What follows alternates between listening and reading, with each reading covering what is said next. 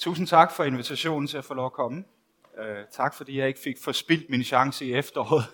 jeg fik en chance til, det er meget taknemmelig. Og tak også Niels for, øh, for den der varme invitation uh, til os til at komme tilbage til Bornholm, når vi på et tidspunkt er kommet til fornuft. uh, rigtig dejligt at være sammen med jer. Uh, det har vi faktisk glædet os rigtig meget til, Gitte og jeg. Det er første gang, jeg er her. Det er selvfølgelig min egen skyld, jeg kunne bare have dukket op tidligere. Men uh, bedre set end aldrig. Og mange af jer kender jeg ikke, nogen kender jeg. Øh, enkelte har jeg gået på gymnasiet med, og været i KFS sammen med. Jeg er selv opvokset her på Bornholm i Rønne, øh, og boede der de første 21 år. Og så har vi boet fire år i Aalborg og 18 år i København, og nu skal vi så tilbage til København, og jeg skal være med til at være præst i, i den kirke, som vi selv var med til at starte i København for 20 år siden, i 97, eller det er faktisk 22 år, hold da op, tiden går. Som ganske ungt ægtepar, så var mig og min kone med til at starte Vineyard i Danmark og Vineyard i København. Og var en del af den rejse i 12 år. Det er så det, vi skal tilbage og fortsat være en del af. Så der er selvfølgelig nogle ting der, der også øh, føles gudslet for os. Ellers havde vi aldrig taget det kæmpe og ulogiske skridt og flytte fra sådan et fantastisk sted som Bornholm. Men øh, I må gerne være med til at bede for os. Der er selvfølgelig mange ting, der skal falde på plads, når man så skal flytte. Øh, men vi glæder os men vi glæder os også over menigheden, vi er en del af nu, Næksø Frikirke. Og øh, jeg skal også hilse fra den menighed til jer alle sammen. Rigtig varm hilsen, og især også en varm hilsen til dig, Markus. Vi havde jo den store glæde og velsignelse at have besøg af Markus i søndags i, i vores kirke, hvor han prædikede. Og øh, det har der været, jeg, jeg ved ikke, om jeg har fået fortalt det til dig, men der har været så meget respons. Folk var enormt begejstrede. Vi har en, en ældre dame på 92, som hedder Sara. Hun er nogle gange, så falder hun lidt i søvn, så hun får ikke alle detaljer med, men hun kom hen til mig bagefter, så sagde hun, han er da fin ham, vores nye præst. så, så, ah, der var lige en detalje der, der var... Eller var det profetisk? Vi ved det ikke.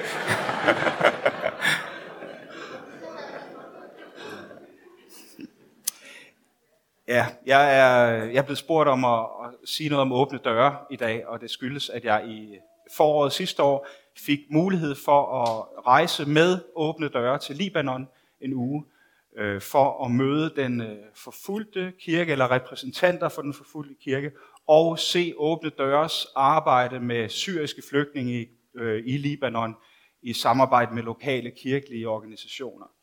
Øh, så det er det, jeg skal sige lidt om i dag.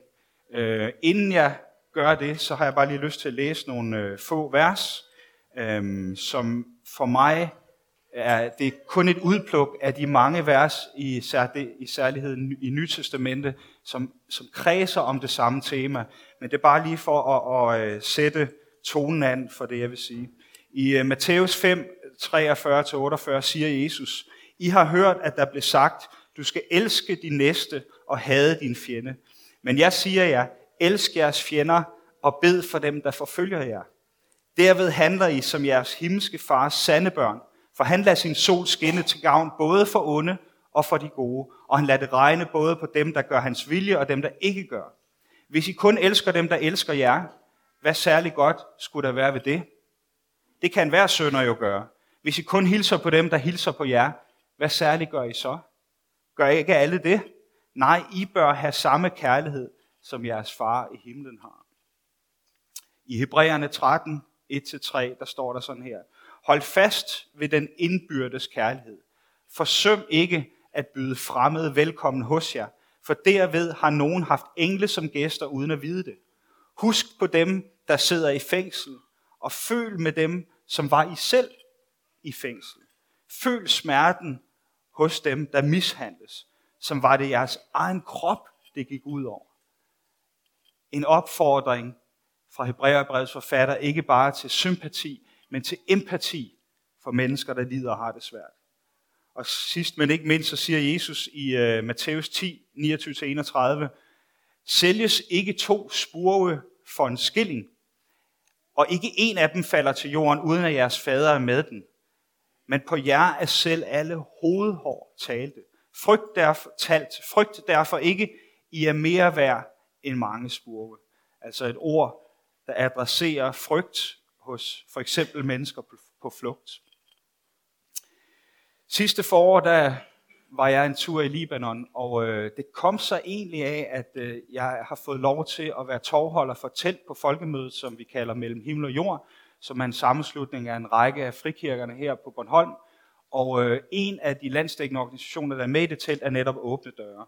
Og jeg har godt nok kendt perifært til Åbne Døre tidligere, men øh, ikke som rigtig vidst, hvad de egentlig var, de arbejdede med i dag. Jeg har hørt om øh, deres øh, grundlægger, og jeg øh, har hørt om, om de her øh, spionture, de tog til Rusland og, og fragtede øh, bibler ind og sådan noget, men jeg har ikke rigtig været klar over, hvem er Åbne Døre i dag. Og det må jeg sige, det fik jeg et øh, indgående kendskab til gennem den her rejse. Øh, jeg har rejst det sammen med et team fra England og et team fra Holland. Åbne Døres øh, fire største lande i verden, altså de lande, hvor de er stærkest repræsenteret og indsamler flest midler, er netop Holland, England, Tyskland og USA. Danmark er i den sammenhæng et mindre land, men ikke desto mindre et land, hvor mange kirker giver til åbne dørs arbejde for at hjælpe den forfulgte kirke. Og vi var to fra Danmark, mig og så en fra Jylland, der hed Børge. Og Børge, han øh, udtalte sit navn Børge, som man jo gør, når man kommer derfra, hvor han gjorde, og det havde de øh, englænder og hollænderne meget svært What's your name? Børge. Så jeg, jeg, jeg blev hans tolk, og sagde, his name is Borge. Borge. Oh, okay, yeah, we get it. Vi rejste sammen og øh, var der nede en uge. Og øh, det, som, øh, det, som jeg vil fortælle jer om, det er to ting. Jeg vil dels fortælle jer om min oplevelse af at møde flygtninge fra Syrien i Libanon, og så vil jeg fortælle jer om nogle af de øh, møder, vi havde med, med øh, syriske kristne kirkeledere, som blev fragtet ind i øh, Beirut for at møde os og fortælle om deres arbejde. Først og fremmest for dem af jer, der ikke ved, hvad Libanon er, eller hvor Libanon er. Libanon er et relativt lille land. Det er faktisk kun halvt så stort som Jylland, eller halvt så stort som Israel, og det ligger lige nord for Israel. Når man er i Libanon, som er et politisk kompliceret sted at opholde sig med en relativ fred, men der fik vi at vide fra starten af, I må ikke bruge ordet Israel. I må simpelthen ikke sige Israel, for bare det at udtale Israel, så tager I allerede et politisk standpunkt, og I ved ikke, om dem, der lytter, kan forholde sig til det positivt eller ej. Så vi blev fortalt, at vi kunne sige, vi kunne enten kalde det for landet i syd, eller som hollænderne, som har en lidt sjov humor, valgte at kalde det Disneyland. Så det var altså, øh, så Libanon ligger lige nord for Disneyland, og er et land med cirka 4 millioner indbyggere, som har fået, øh, eller jeg ved ikke om man siger fået, men de har i hvert fald modtaget 2,5 millioner syriske flygtninge. De fleste af dem kom i krigens første år og har altså på nuværende tidspunkt været i Libanon i 5, 6, 7 år. 2,5 million flygtninge fra Syrien. Prøv lige at forestille jer det. I, øh, i Danmark har vi øh, siden, øh, jeg har lige tjekket lidt op på det, og øh, vi har faktisk i Danmark fra øh, Ungarn-krisen i 56 og frem til 2016, der har vi modtaget i alt øh, 163.332 flygtninge øh, nej, undskyld, ja, flygtninge. Og, øh, i, øh, og de syriske flygtninge, de udgør 10.334. Vi har altså modtaget lige godt 10.000 syriske flygtninge i Danmark. I Libanon, som er et land, der er lige lidt mindre end Danmark, har man øh, befolkningsmæssigt og væsentligt mindre arealmæssigt, har de modtaget 2,5 millioner. Så det synes jeg sætter nogle ting i perspektiv. Øh, Især når vi skal jagte, hvor meget øh, flygtninge nogle gange fylder i vores lokale, i vores øh, debat omkring integration og her i Danmark. Øh, det fylder jo enormt meget, men reelt set, så har vi altså ikke modtaget så mange sammenlignet med i hvert fald Libanon. Libanon er et enormt smukt land. Det er nævnt mange gange i øh, Gamle Testamente. Øh, der bliver refereret til Libanon som et land rigt på sædertræ, på frugt og på andre afgrøder. Og når man kører rundt i Libanon, så ser man hvorfor. Det er virkelig et smukt land, og det er et frugtbart land. Men det er også et land i krise. Det er et land i krise, fordi at, øh, blandt andet fordi man har modtaget så mange flygtninge. Og selvom at FN sørger for sådan den grundlæggende hjælp, de sørger for vand, de sørger for nogle telte, øh, som man kan, som flygtninge kan opholde sig i, og lidt øh, madrationer, jamen så er det uendelig lidt, at de her øh, 2,5 millioner mennesker har. Og hvad gør man så? Jamen man øh, tager selvfølgelig ud og tilbyder sig selv til spotpris som daglejer. Hvad skal man ellers gøre? Og det kan være jo regne ud, at 2,5 millioner flygtninge, hvis, hvis bare en, øh, en femtedel af dem er de mænd, der tilbyder sig selv som daglejer, jamen så underminerer det jo hele arbejdsmarkedet i landet. Øh, så de er altså et land med mange udfordringer og mange problemer. Men samtidig er det også et land, hvor de kristne kirker har rettet ryggen og har læst de her vers, som jeg lige har læst for jer, og sagt, det er det, vi skal, det er det, vi skal gøre. De har simpelthen taget udfordringen op. Og nogle af de kirker mødte vi, nogle af dem, som åbne døre har kontakt med. Og det er nogle af dem, som jeg vil øh, fortælle jer om først. Og jeg tror, vi har en øh, powerpoint her. Ja, det er et billede af, af Libanon, taget fra øh, vores hotelværelse oppe på en skråning. Og øh, det er sådan, at vi tog ud og besøgte nogle flygtningelejre, og det her det er et billede af et telt. Det er sådan typisk sådan, de kunne se ud. Og det er altså teltet, der har ligget på øh, marker. Det er, det er kæmpe, kæmpe rækker af telte af den her slags. Og det her det er taget fra en flygtningelejr, hvor der bor omkring en halv million syriske flygtninge. En halv million syriske flygtninge i én flygtningelejr, og det er bare endeløse rækker af telte som det her. Og der har man altså boet i 5, 6, 7 år. Det er ikke øh, ukompliceret at bo sådan et sted. Det er øh, koldt om vinteren. Der kan godt være frost om vinteren i Libanon, og det blæser kraftigt. Nogle af de flygtninge, som vi mødte, de øh, fortæller om, hvordan de nogle gange om vinteren om natten må ud og holde fast i teltduen, for at den ikke skal blæse væk. Og skelettet til teltet, jamen det er sådan nogle øh, øh, ganske tynde øh, noget tyndt forrammetræ. Det er ikke noget, vi vil have brugt herhjemme, fordi det er i virkeligheden øh, fuldstændig underdimensioneret i forhold til, hvad det skal bære. Så nogle gange, hvis de kom, der kommer også sne en gang imellem vinteren, så må de ud med det samme og få sneet væk fra taget, fordi ellers så braser simpelthen det hele sammen. Så det er, det er ikke et nemt sted at opholde sig. Øh, det, som kirkerne så har gjort, det er, at de har, øh, de har forsøgt at hjælpe på de måder, som de nu kan. Og her er et billede af en, øh, meget primitiv lægeklinik. Øh, en af de kirker, som vi besøgte, de øh, besøgte, besluttede sig for, at vi må finde ud af, hvordan vi kan hjælpe. Øh, der var en præst, jeg mødte, der hed Nasi Tomi, og han var præst for en kirke på den øh, sydlige, sydøstlige grænse af Libanon.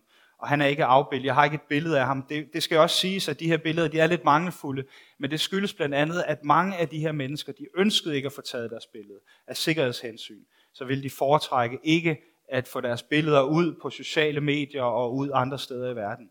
Så derfor så er det ikke alle mennesker, jeg har mødt, som jeg har billeder af. Den her øh, øh, flygtningelejr og den her kirke ligger cirka en times kørsel fra, fra Israel og en times kørsel fra Syrien ned i det sydøstlige grænse. Øhm, og de bygger en klinik her med hjælp fra åbne døre, og det gør faktisk, at de kan øh, tilbyde noget simpel, enkel lægehjælp til de mennesker, som ellers øh, må prøve at hjælpe sig selv. Senere hen kommer jeg til at fortælle en historie om en kvinde, som har født et barn i en af de her flygtningelejre, og fordi der ikke var nogen lægehjælp, og de, fordi flø, øh, fødslen var kompliceret, så endte hun med at få et handicappet barn. Og det er altså dagligdags historier hernede, og derfor så er det så uendelig vigtigt, at man kan få noget enkelt lægehjælp. Og det hjælper den her kirke med, med støtte fra åbne døre. Derudover så deler de madrationer ud i flygtningelejren for forsøger at supplere op med det uendeligt lidt, som de får øh, fra FN og fra andre nødhjælpsorganisationer. Derudover så sagde den her kirke til sig selv, hvad kan vi gøre for at hjælpe? Jamen, vi kan, vi, så tænkte de, vi vil tilbyde skolegang til de kristne flygtninge. For selvfølgelig i sådan en øh, flygtningelejr som den her, Syrien havde jo omkring en 8-10 procent kristne før borgerkrigen. Så der er selvfølgelig også kristne flygtninge i de her, øh, i de her flygtningelejre.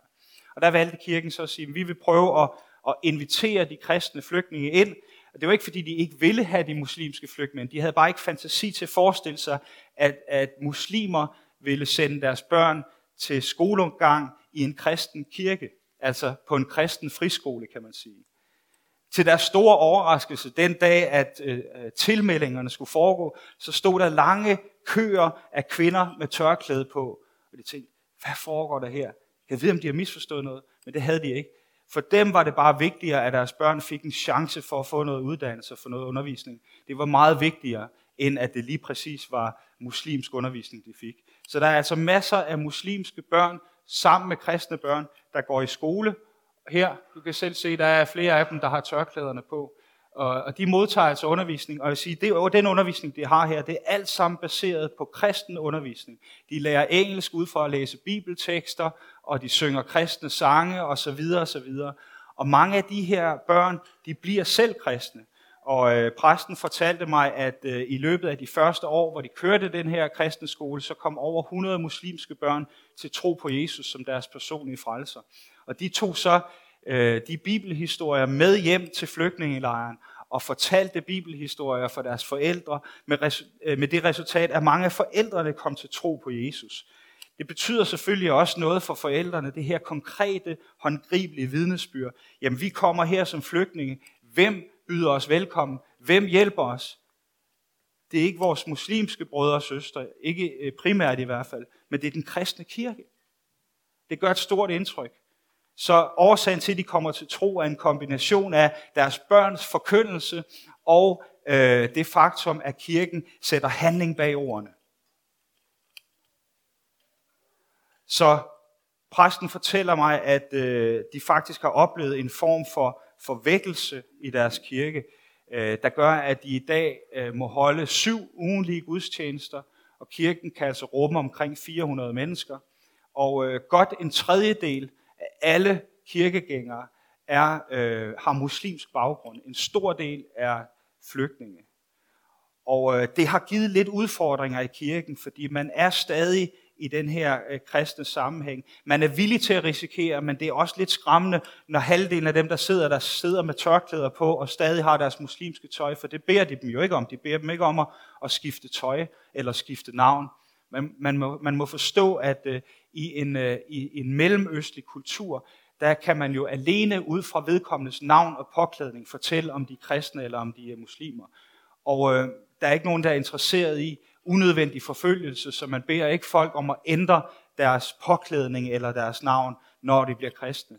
Og derfor så sidder altså øh, mennesker med muslimsk baggrund og mennesker med kristen baggrund side om side. Og til sidst så blev det lidt for voldsomt for den lokale menighed, så nu afholder de to gudstjenester, som er alene for flygtninge, for muslimske flygtninge. Og det gør så, at de kan holde niveauet af muslimske eller tidligere muslimske konvertitter på cirka en tredjedel på de øvrige gudstjenester. Jeg synes, det er helt fantastisk. Jeg blev simpelthen så øh, rørt over at opleve, hvordan det her det bare hænger sammen. Man rækker ud, man sætter handling bag ordene, evangeliet for hænder og fødder, og børnene bliver de vigtigste missionærer. I den her kirke har I jo masser af børn. Her i, øh, i kirken på grænsen til Syrien og Libanon, der havde man den konkrete oplevelse, at det var børnene, som bragte evangeliet videre til deres forældre. Helt konkret så mødte jeg øh, en... Øh, nå ja, vi kan lige se her. Jeg tror lige, jeg springer en historie over, fordi ellers jeg kommer simpelthen til at snakke for længe. Øh, men her er et billede af kirken, man står, det er sådan en, den er ikke så stor, men der er bygget sådan flere etager opad. Kan være, I skal gøre det samme her, når I får plads mange. Det er præsten, der står der. Øh, jeg mødte dem i gang med at samle nødhjælpspakker, som de skulle bære ud øh, til flygtningelejren. Her er vi så selv på besøg i en flygtningelejr, og jeg møder, hvad hedder det, øh, Sahir, øh, som kommer fra Homs i Syrien, og øh, som har boet her i flygtningelejren i fem år. Han har otte børn i alderen 8 til eller 22 til 11 år, eller 11 til 22. Og de to ældste er, er gift og bor i en anden flygtningelejr, men de resterende seks bor sammen med, øh, med dem i flygtningelejren her.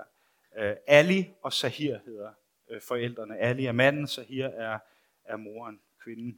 Øhm, og som jeg fortalte om før, så beskriver de for mig, når jeg spørger, hvordan har I det her? Så fortæller de om de komplicerede forhold, de har, især om vinteren med, med storme og sne og kulde, men også om sommeren, hvor, hvor heden kan være udlidelig varm. Og øh, de fortæller om et, et meget begrænset kloaksystem, sanitet, som aldrig rigtig har virket. De fortæller også om den øh, problematik, at de jo gerne vil sende alle deres børn i skole, men der er faktisk nogen, der ejer den land, som de bor på. Det er ikke regeringsland. Regeringen har, har lånt den fra lokale øh, lodsejere, og som en del af aftalen, så skal de sende øh, deres børn ud på marken og arbejde. Og når de når en vis alder, så skal de ud og arbejde fem timer om dagen i hele øh, hvad hedder det, høst- og, og såsæsonen. Ja, der er landmænd, I ved, hvornår det er, man skal ud på marken og arbejde. Der skal de altså sende deres børn ud, og det er simpelthen som betaling for den grundskyld, som de har, fordi de placerer deres telte på en lokal øh, lodsejers jord. Og det er jo kompliceret, fordi det, det gør det vanskeligt for børnene at deltage i den skolegang, som de jo har så desperat brug for. De fortæller også om, øh, hvordan at øh, kirken faktisk kommer og hjælper dem med mad, og øh, de er gæstfri over for os. Jeg får serveret kaffe med kardemomme, det ved jeg ikke, om I nogensinde har smagt. Det havde jeg ikke troet, hvis nogen havde sagt til mig, at det kunne smage godt, men det smagte faktisk fantastisk godt. Det kan anbefales. Prøv det engang. Kaffe med kardemomme. Det er virkelig lækkert. Og øh, vi har den her samtale om, hvor svært det er for dem. Øh, de, børnene, de er faktisk blevet kristne. Forældrene siger, at børnene har sagt, at de tror på Jesus. Forældrene var stadig kulturmuslimer. Og vi sidder der og fører en samtale igennem en tolk i øvrigt, skal jeg lige sige. Jeg taler jo ikke arabisk, og de taler ikke engelsk. Så vi fører en samtale igennem en, en arabisk kvindelig tolk. Og jeg sidder i løbet af den her samtale og får sådan en, jeg ved ikke om, nogen, om I nogle gange har oplevet det her med, at man får sådan en hjertebank, man tænker, der er noget, jeg skal nu. Og jeg sad og fik den her hjertebank, du skulle altså fortælle dem om Jesus. Fortæl dem om det håb, der er i troen på Jesus Kristus. Og mens jeg sidder og tænker over det og diskuterer med mig selv, jeg er jo gæst her, det kan jeg jo ikke tillade. Jeg har fået kaffe med kardemomme, jeg kan ikke begynde at... Og så siger tolken pludselig, så siger hun stille, så retter hun blikket mod mig, og så siger hun, now would be a good time to share the gospel, siger hun så til mig. Nu vil det være et godt tidspunkt at dele evangeliet. Så tænkte, okay, det er mit stikord. Og så går jeg i gang og, og fortæller dem, og jeg, jeg, jeg forsøger at for, fortælle dem om en, en elskende Gud, som har givet sit liv for dem, og uanset om de, øh, om de snart kommer ud af den flygtningelejr, eller uanset om de skal bo der længere tid, at så er han med dem, og han kan give dem fred og tryghed i deres hverdag. Og øh, efter jeg synes, jeg er færdig og, og tiger stille, så, begynder, så tager tolken over. Og hun begynder at tale med dem, og hun fører en længere samtale med dem, og jeg tænker, okay, hvad, hvad er det, hun siger nu? Er hun ved at undskylde mig? Er hun ved at, at, at redde kastanjerne ud af ilden, eller hvad sker der? Så når vi så senere kommer ud af teltet, så spørger jeg hende, hvad, hvad gjorde du der? Var det, øh, havde jeg sagt noget forkert? Så nej, nej, nej, nej. Det jeg gjorde, det var, at jeg tog alt det, du sagde til dem, og så fandt jeg skriftsteder i Koranen, som argumenterede for det. Så hun simpelthen hun tog evangeliet og kontekstualiserede det ud fra Koranen. Fantastisk. Så ved afslutningen af mødet, så spurgte, jeg, eller mødet af, af samtalen, øh, så spurgte jeg dem, om jeg måtte have lov til, om vi måtte have lov til at bede for dem og invitere Jesus ind i deres hjerter og ind i deres telt. Og det sagde de ja til. Så det gjorde vi der på stedet. Det var virkelig fantastisk. Ja, det er bare et ekstra billede. Det er bare for, at I kan få, at det er sådan en toværelses telt, havde han sagt. Det ene, det er sådan en lille rum med, det er deres køkken, det her. Så lad være med at brokke jer, hvis I har et dårligt køkken. Det, er, det, det er noget værre. Der er brug for en god tømmer, Emil. Og det er hele familien uden for teltet, og helt til højre, det er tolken. Øh, hun bærer ikke tørklæde, fordi hun er jo kristen. Yes. Godt, så vil jeg fortælle en historie til. Jeg mødte en anden familie, som øh, hedder Abedrazak og Dalai, og de har seks børn. Øh, Abedrazak, tror jeg nok, man udtaler hans navn. Han var der ikke, han er daglejer, han er ude at arbejde. Øh, men jeg mødte Dalai, og jeg mødte hendes børn. Og øh, Dalai og Abedrazak øh, flygtede også fra, øh, fra Aleppo, faktisk, i 2012. Aleppo er en af de byer, som blev øh, meget ødelagt i krigens første år. Fuld, omkring 40-50 procent af Aleppo blev, blev totalt ødelagt i krigens første år. Og de flygtede så, og, og de har altså oplevet en stor velsignelse. De har fået kontakt med kirken, og kirken har hjulpet dem til at bo bedre ind i flygtningelejren. Nu bor de på et blikskur oppe på taget af en fabrik. Og det er en klar opgradering for dem, og de er meget taknemmelige for deres forbedrede boligsituation. Her får de altså, det er lidt mere trygt, man kan låse sin dør, og, og taget blæser ikke lige umiddelbart væk. Det er nogle blik øh, pandeplader, øh, som er skruet fast. Så det er altså et godt hus for dem i forhold til, hvad de kom fra. Øhm, Dalai, hun fødte øh, Aisha på, øh, i flygtningelejren. Og Aisha er den pige, der sidder nederst her. Hun er spastisk lammet, hun er hjerneskadet, og det er hun, fordi at der opstod komplikationer i forbindelse med hendes fødsel, og i og med, at der ikke var nogen lægehjælp, så var det det, der skete. Øh, faren er øh, ikke kristen, han er stadig muslim, øh, men øh, børnene fik mulighed for, at de øvrige børn fik mulighed for at gå i skole, i kirken, og her blev de præsenteret for evangeliet om en Gud, der elsker dem, og de sagde ja til Jesus som deres frelser, og de tog hjem til Dalai, og de læste op fra Bibelen og fra deres undervisningsmateriale for hende. Dalai er selv analfabet og nød at få læst op, og igennem kontakten til kirken og igennem hendes børns oplæsning, kom hun selv til tro på Jesus Kristus.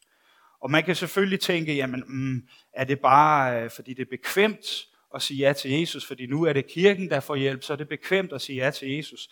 Det, kunne jeg selvfølgelig, det vil jeg selvfølgelig ikke spørge hende direkte om, men jeg prøvede sådan at omveje og spørge ind til, jamen, hvad oplever du så, at troen gør for dig i dit dagligdag? Og her er, hvad hun svarede.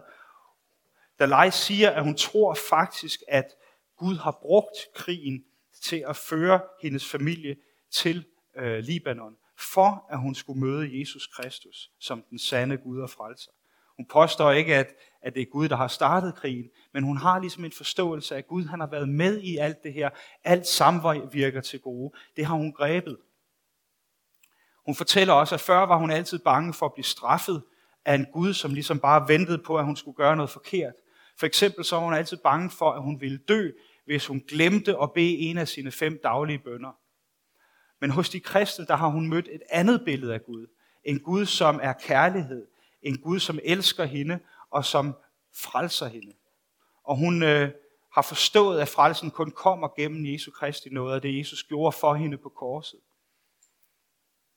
Hun elsker at gå i kirke. Det er ikke en pligt, det er ikke en sur pligt. Hun går ikke om søndagen, fordi der har hendes mand fri, og han vil ikke være glad for, hvis hun forsvandt i kirke om søndagen, og så skulle han passe seks børn, handicappede børn, efter en lang arbejdsuge. Øh, så hun vælger at gå kirken, øh, en af kirkens syv gudstjenester foregår onsdag formiddag, netop med det formål, at folk som Dalai kan komme i kirke på et andet tidspunkt end om søndagen. Så hun glæder sig hver gang hun skal i kirke, og hun ser det at gå i kirke og det at være kristen som to ting, der hænger tæt sammen og er tæt forbundet. Hun har fået en forståelse af værdien af at have fællesskab med sine kristne brødre og søstre i kirken. Og alt det sidder hun og fortæller mig gennem tolken, og jeg bliver simpelthen så berørt over det. Jeg spørger hende til sidst, øh, er der noget, vi kan gøre for dig? Og så siger hun, jeg ved selvfølgelig godt, at hun mangler, hun mangler jo mange ting, men det er ikke det, hun siger. Hun siger ikke, jeg kan I give mig noget mad, eller kan I give mig nogle penge? Hun siger, vil I bede for Aisha? Vil I bede for Aisha? Så vi lægger hænderne på Aisha og beder for hende og velsigner hende og beder Gud om at gribe ind i hendes liv. Og så giver vi hende også noget mad. Jeg har en øh, historie til øh, omkring det her med at række ud. Det er en organisation nede i det sydlige Libanon, som hedder Heart for Libanon. Og Heart for Libanon øh, arbejder med støtte fra åbne døre specifikt til at række ud til fattige libaneser. De føler et kald til at række ud til libanesere. Men i og med, at der også er mange tidligere flygtninge, der får opholdstilladelse i landet efterhånden som årene går, så bliver det også mange muslimer, de rækker ud til. Og de gør ingen forskel. De hjælper alle, som har brug for hjælp. Øh, Heart for Lebanon har den her meget holistiske tilgang til hjælp. De tror på, at man starter med den håndgribelige fysiske hjælp, med nødhjælpen, Derefter så tilbyder man skolehjælp, og, øh, og derefter, når folk så bliver lidt mere selvkørende, jamen så fortsætter man med at tilbyde kristen undervisning, øh, kristen discipleskab. Man vil gerne se folk ført hele vejen, øh, fattige, øh, lidende mennesker, få den hjælp, de skal bruge, og få dem ført hele vejen til moden kristendom. Så man har, man har hele spektret med i den her organisation. Og det, jeg synes, det er rigtig spændende at høre om deres arbejde og deres visioner for arbejdet. Øh, han siger selv, øh, lederen her, at forskellen på andre NGO'er og, og Heart for Lebanon er, at når andre NGO'er taler om menneskerettigheder på et generelt plan, så taler de om Jesu Kristi kærlighed og kraft til at forandre mennesker og forandre samfund. Og det gør de blandt andet gennem kristne børneklubber i området og gennem netværket i kirken. Her er en af de kristne børneklubber, øh, eller nej, det, det er skolen, som vi er inde og besøge, hvor de øh, øh, synger og de lærer sange om Jesus. Og det her, det var et besøg nede i kirken. Øh, mors dag kom op øh, ganske tæt på, og mors dag dernede er altså en stor begivenhed, og øh, kirkens eller, eller skoleklasserne, de øvede nogle forskellige sange og danse, som de skulle opføre på morsdag. Og jeg blev så rørt over at se de her øh, overvejende muslimske piger stå og øve sange, hvor de fortæller om Jesu kærlighed, og hvordan Gud elsker os, og Gud elsker deres mor, og de elsker deres mor. Her står de og deler nødhjælp ud. Mange af dem, der hjælper til i øh, organisationen, det er folk, der selv tidligere har været syg, øh, flygtninge, tidligere har været muslimer, er kommet til tro, er hjulpet på vej, og nu er de en del af arbejdet.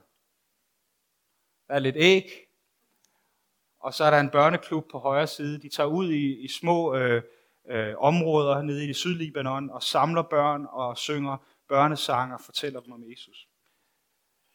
Så springer vi lige lidt. Nu har jeg fortalt lidt omkring mit møde med den øh, libanesiske kirke og med, de, med flygtningene og den måde, at de kristne dernede forsøger at række ud til flygtninge. Nu vil jeg øh, fortælle en lille smule om nogle af de her forfulgte øh, kristne kirkeledere, som var blevet fragtet ind til Libanon for at møde os og fortælle deres historie. Og jeg har valgt tre, som jeg vil fortælle jer om. Den første, han hedder fader Athanasius Mahul, og han kommer fra Homs. Det kan I garanteret ikke huske bagefter. Vel? Fader Athanasius Mahul. Øh, han er, øh, hvad hedder det, ortodox øh, præst, og øh, fader Athanasius han besluttede sig for at blive i Homs under hele krigen. Øh, Homs blev rigtig hårdt ramt. I øh, 2011, der havde øh, den kirke, som, som fader Athanasius leder, det var en stor øh, ortodox kirke i, øh, i Homs, og den havde omkring 850 familier.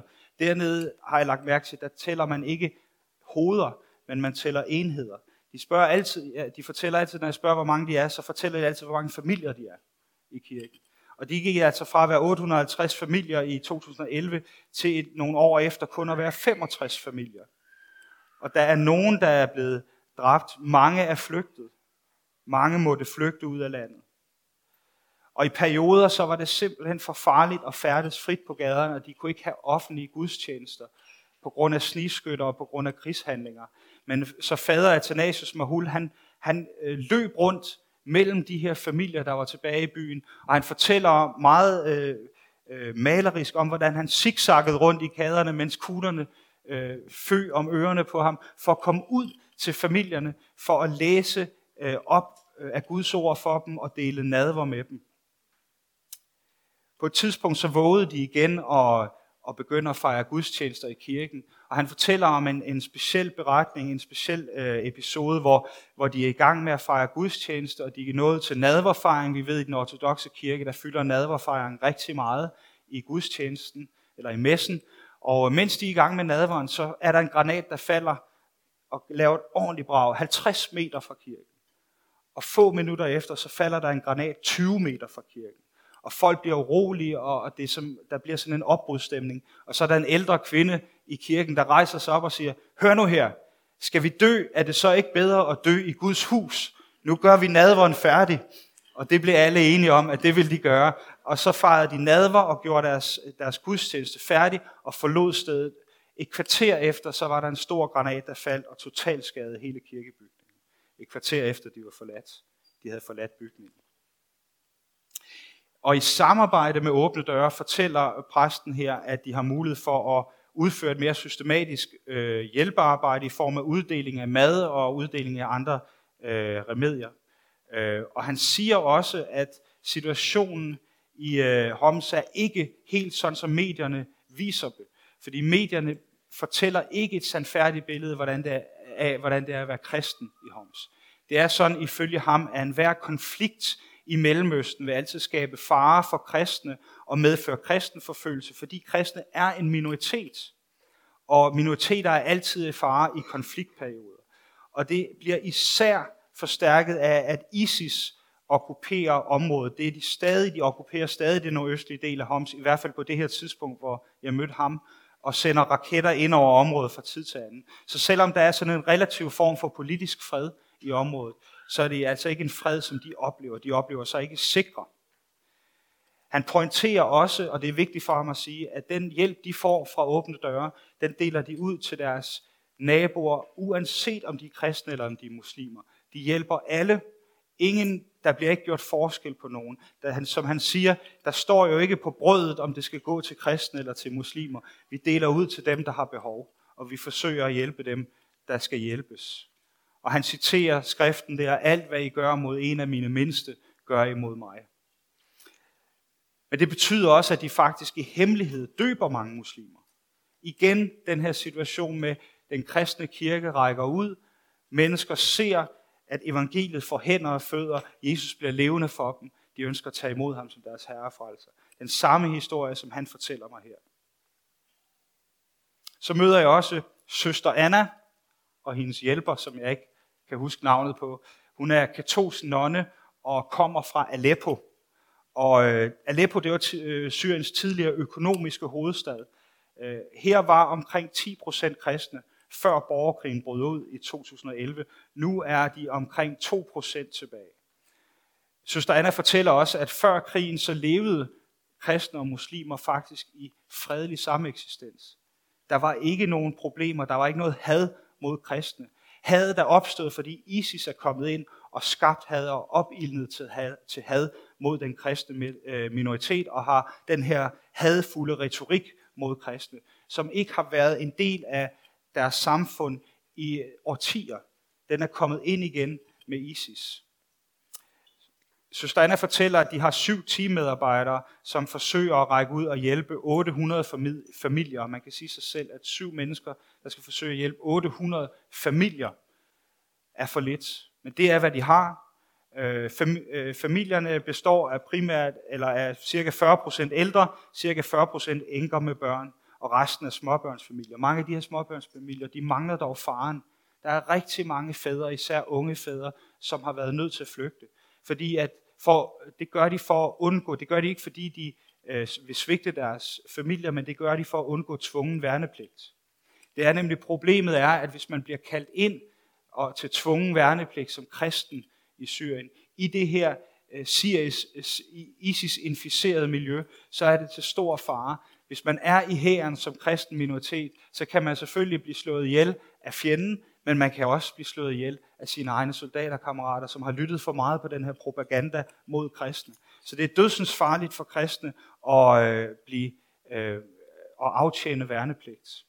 Derfor er der mange unge mænd, der flygter for at undgå den her obligatoriske værnepligt. De fortæller også, at øh, når man er i krig, så er der mange ting, som er dybt unormale, som på en eller anden måde alligevel bliver normal hverdag. Blandt andet så fortæller hun om, at de i over et halvt år slet ingen strøm havde, og, måtte, og vendede sig til at leve i sterinlysenes skær. De vendede sig til at bære vand langt fra øh, fordi der ikke var noget rent drikkevand i området. De vendede sig til granater, som eksploderede om ørerne på dem med jævne mellemrum. De vendede sig til at gå rundt på gaden, og pludselig så er der en, der falder om kul øh, et eller andet sted i nærheden, fordi der er sniskykker, der ligger op på tagene og, og skyder tilfældige forbipasserende. Eller de bliver ramt af en raketsplint. Hun fortæller også om en situation, hvor de i flere år måtte betale fast månedlig skat til ISIS. ISIS opkrævede en månedlig skat, der svarede til en månedsløn. Prøv at forestille dig det. 50 dollar, fortæller hun, det var en gennemsnitlig månedsløn dernede. Øh, det er jo en form for straf for at være vantro. Det var en straf, det var en skat, som kristne måtte betale til ISIS, for at slippe for øvrige øh, hvad hedder det, påtale, for at formaste sig til at være en vantro kristen. Og hvordan i alverden skulle man som fattig menneske øh, betale den? Skat, jamen det må man gøre gennem at sælge familiesmykker og ting, der har været i familiens ejendom, og på alle måder forsøge at hjælpe hinanden til at skaffe de her penge.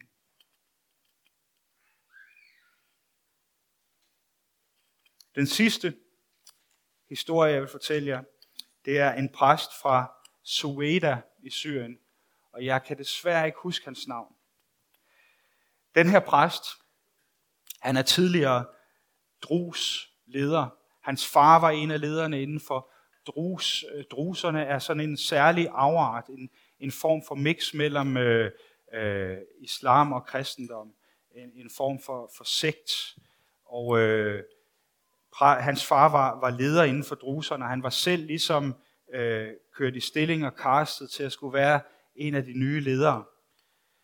Men øh, han bliver som ganske ung, øh, som stor dreng, pludselig bliver det ligesom levende for ham. Hvor er det her tomt? De er ude og på en af deres religiøse rejser, og de er ude og, og kysse en sten, ligesom man gør i, i øh, islam. Og han spørger sin far, hvorfor kysser vi sten og beder til døde mennesker? Og faren kan ikke give ham noget ordentligt svar på det, så han beslutter sig for, at han vil undersøge islam i stedet for. Der er ligesom ikke i hans øh, forståelse, er der ikke ligesom nogen, han kender ikke nogen kristne, der er ikke nogen kristne i området, men der er en del muslimer, som tænker, jeg undersøger muslim, måske er det islam, måske er det religion for mig. Han begynder at læse Koranen, men han stopper der, hvor han læser, at øh, profeten Mohammed straffer en person ved at binde to kameler, er det er lidt voldsomt, som så trækker i hver sin retning, så vedkommende bliver trukket midt over. Det er en straf, som han læser om i Koranen, og så tænker han, det der, det kan jeg ikke identificere mig med. Og han beslutter sig for at blive ateist. Og han lever et liv som ateist. Han har kone og børn. Og mange år så lever han som erklæret ateist. Han nægter at tro på noget som helst. Hvilket måske er lidt af et særsyn i Mellemøsten. Men ikke desto mindre, der var det hans liv. Der skete så det, at hans kone bliver øh, alvorligt syg. Hun får en, en meget voldsom ryglidelse. Jeg gætter på, at hun har haft en kraftig diskusprolaps eller en hel række. Hun kunne i hvert fald ikke rigtig bevæge sig og havde store smerter. Og en dag så bliver han så desperat, så han siger, hvis du er derude, Gud, så hjælp min kone. Og så får han ligesom en tanke ind i sit hoved. Du skal lægge dine hænder på det sted, hvor smerten udspringer fra, og så skal du bede til den kristne Jesus Kristus. Og du skal gøre korsets tegn. Og han havde ligesom nok, han havde trods alt nok kendskab til kristendom, til han vidste, at det var noget med, at Jesus var død på et kors og sådan noget. Så han spurgte sin kone, hvor, hvor vil du ligesom sige, at smerten udspringer fra, ude på sted. Han gjorde korsets tegn, han lagde hænderne på, og han bad om, at den kristne Gud måtte helbrede hende. Og en halv time efter, så begyndte smerterne at fortage sig. Og et par dage efter, så var hun fuldstændig smertefri, og havde ikke siden smerter. Og han blev klar over, at det bliver virkelig et wake-up call for ham. Ikke? Han blev klar over, at det her med at bygge sit liv på ateisme, det passer ikke. Han har simpelthen overset den kristne Gud, og der er noget her, som han må dykke ned i. Men de har ingen bibel, og de kender ingen kristne, og de har ingen anelse om, hvor de skal få en bibel. Så de beder, Gud, kristne Gud, Jesus, vil du ikke hjælpe os til en bibel? Og så fortæller han om, at de bor i et lejet hus, som var fuldt møbleret, da de rykkede ind. Og han fortæller om, hvordan han en dag skulle flytte, øh, nogle dage efter han havde bedt den her bøn, skulle flytte deres sofa, og de løfter den op, og ind under sofaen, sat fast op under mederne på sofaen, der sidder der en bibel på arabisk, og en anden kristen bog på arabisk. Så han tager dem ud, og han kan jo se, at det er en gave fra Gud, og han begynder at læse i den, og øh, de får faktisk i lang tid, lever de som kristne på egen hånd, og forsøger at forstå, hvad er det, den her kristne tro går ud på, indtil de får kontakt med andre kristne. Og i dag så er han altså, springer en lang mellemhistorie over, for der er ikke tid til den. I dag er han øh, leder for et stort kirkeligt arbejde.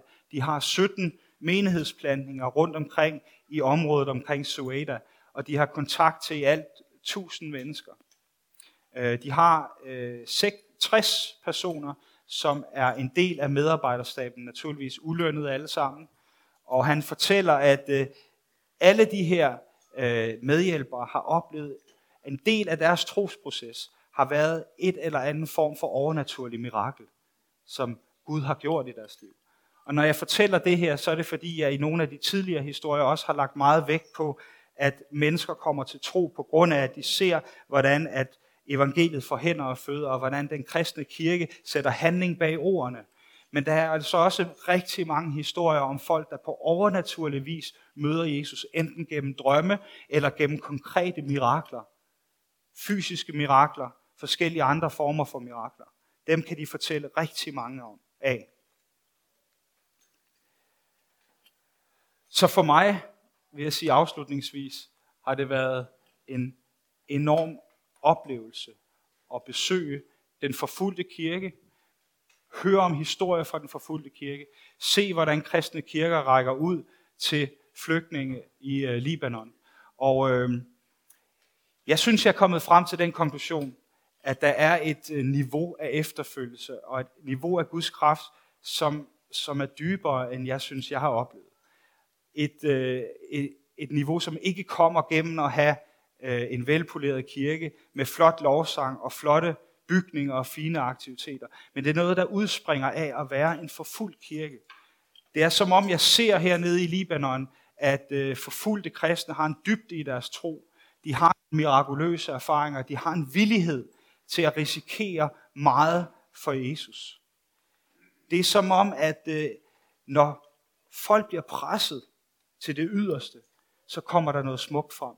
Jeg fik det her billede, da jeg forberedte mig, at øh, det er ligesom når man processen med at skabe diamanter. Ikke? Det er kul, der bliver presset under hårdt tryk igennem mange år, som skaber de smukkeste diamanter.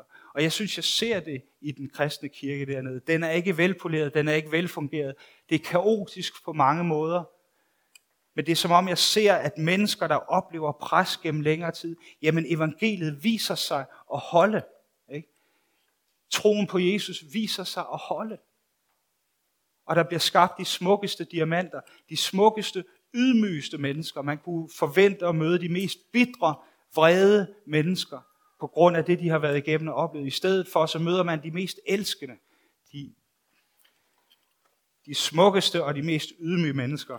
Og det, det rører mig virkelig at opleve det. Det må jeg sige. Og det opmuntrer mig også, og det, det, det udfordrer mig også samtidig. For jeg tænker, hvad med min egen kirke? Hvad med vores kirker i Vesten? Er det det, der skal til? Nu ved jeg godt, at jeg bliver lidt dramatisk, fordi vi oplever også mange gode ting. Men, men øh, det behøver vel ikke nødvendigvis være forfølgelse, der skal til. Øh, jeg tror, at vi kan få lov til at opleve det samme. Og jeg synes i hvert fald, at vi skal tage ved lære, vi skal lade os inspirere af vores kristne brødre og søstre i den forfulgte kirke, nu helt konkret i Libanon og i Syrien, men for den sags skyld mange andre steder i verden. Jeg startede ud med at læse nogle vers, hvor blandt andet Jesus opmuntrer os til at elske vores fjender og gøre godt imod dem, der forfølger os. Og jeg tror måske, det er noget af nøglen til den her dybde i troen og dybden i efterfølgelsen af Kristus. Det er, når vi, når vi udfordrer os selv, når vi vælger at elske dem, der er sværest at elske. Vi må forstå, som jeg i øvrigt tror, at Jesu lignelse som den barmhjertige samaritaner har til formål at fortælle os, at dem, der er vores næste, det er ofte dem, vi mindst ønsker, det skal være. Det er ofte dem, som vi mindst forventer, det skal være. Jesu kald til os, som vi ser udlevet i den forfulgte kirke, det er kærligheden til vores næste. Kærligheden til vores fjender. Kærligheden til dem, der forfølger os. Og det kan vi selvfølgelig spørge os selv, øh, hvor skal det komme fra? Og der kan vi jo ikke andet end at se hen på korset, som så smukt hænger heroppe. Korset er jo omdrejningspunktet. Korset er der, hvor det hele starter, og det er der, hvor det hele slutter. Jesu Kristi kors er der, hvor vi får kraften, hvor vi får inspirationen, hvor vi får hengivenheden, hvor det bliver levende for os. Hvad det vil sige at elske dem, der hader os. Hvad det vil sige at tilgive dem, der forfølger os. Og hvad det skal betyde i dit liv i praksis, det kan jeg ikke svare dig på. Jeg ved heller ikke præcis, hvad det betyder i mit liv, men det er i hvert fald en inderlig bøn og ønske, som jeg går og forsøger at gå hver eneste dag i møde med. Kære Jesus, hjælp mig at holde mig tæt til dit kors. Hjælp mig at, at se, hvor det er, jeg møder mennesker, som jeg skal elske til trods for, at de forfølger mig. Hvad den forfølgelse så end må være. Misforståelse, hån, latterliggørelse. Hvad er forfølgelsen? Hvilken karakter den tager form. Lær mig at elske. Lær mig at række ud. Lær mig at møde mennesker med kærlighed og ydmyghed. Måske kan du mærke, at du bliver udfordret på samme måde af Jesus. Hvor møder du konflikter i dit liv? Hvor møder du mennesker, som er svære at elske? Hvor møder du forfølgelse? Hvad er det for mennesker, der er svære at inkludere i det her fællesskab, som Jesus måske kalder dig til at tage det første skridt til at række ud til? Hvad er det for mennesker, som, som I som familie, øh, som du og din familie, bliver kaldet af Jesus til på en særlig måde at være familie for? Og måske er det dig, der i dag har brug for, at Gud bekræfter sin trofasthed over for dig. Måske er det dig, der oplever, at du er presset. Måske er det dig, der oplever, at dit liv er udfordret. Jesus han er jo den samme i går og i dag og til evig tid, og de samme løfter, som gælder for forfulgte kristne i Syrien, gælder også for dig og mig. Det er jo det fantastiske ved det. Måske du sidder her i dag og oplever, at du har et pres i dit liv, noget der udfordrer dig, noget der gør din hverdag vanskelig. Måske har du nogen tæt på, som lider. Jesus han er den samme. Og gennem din smerte og gennem din lidelse, der kan han føre dig igennem. Hvis du holder dig tæt til ham, hvis du holder dig tæt til korset, så kan han føre dig igennem. Og du kan opleve, at dit liv kan blive raffineret og gjort til den smukkeste diamant. Amen.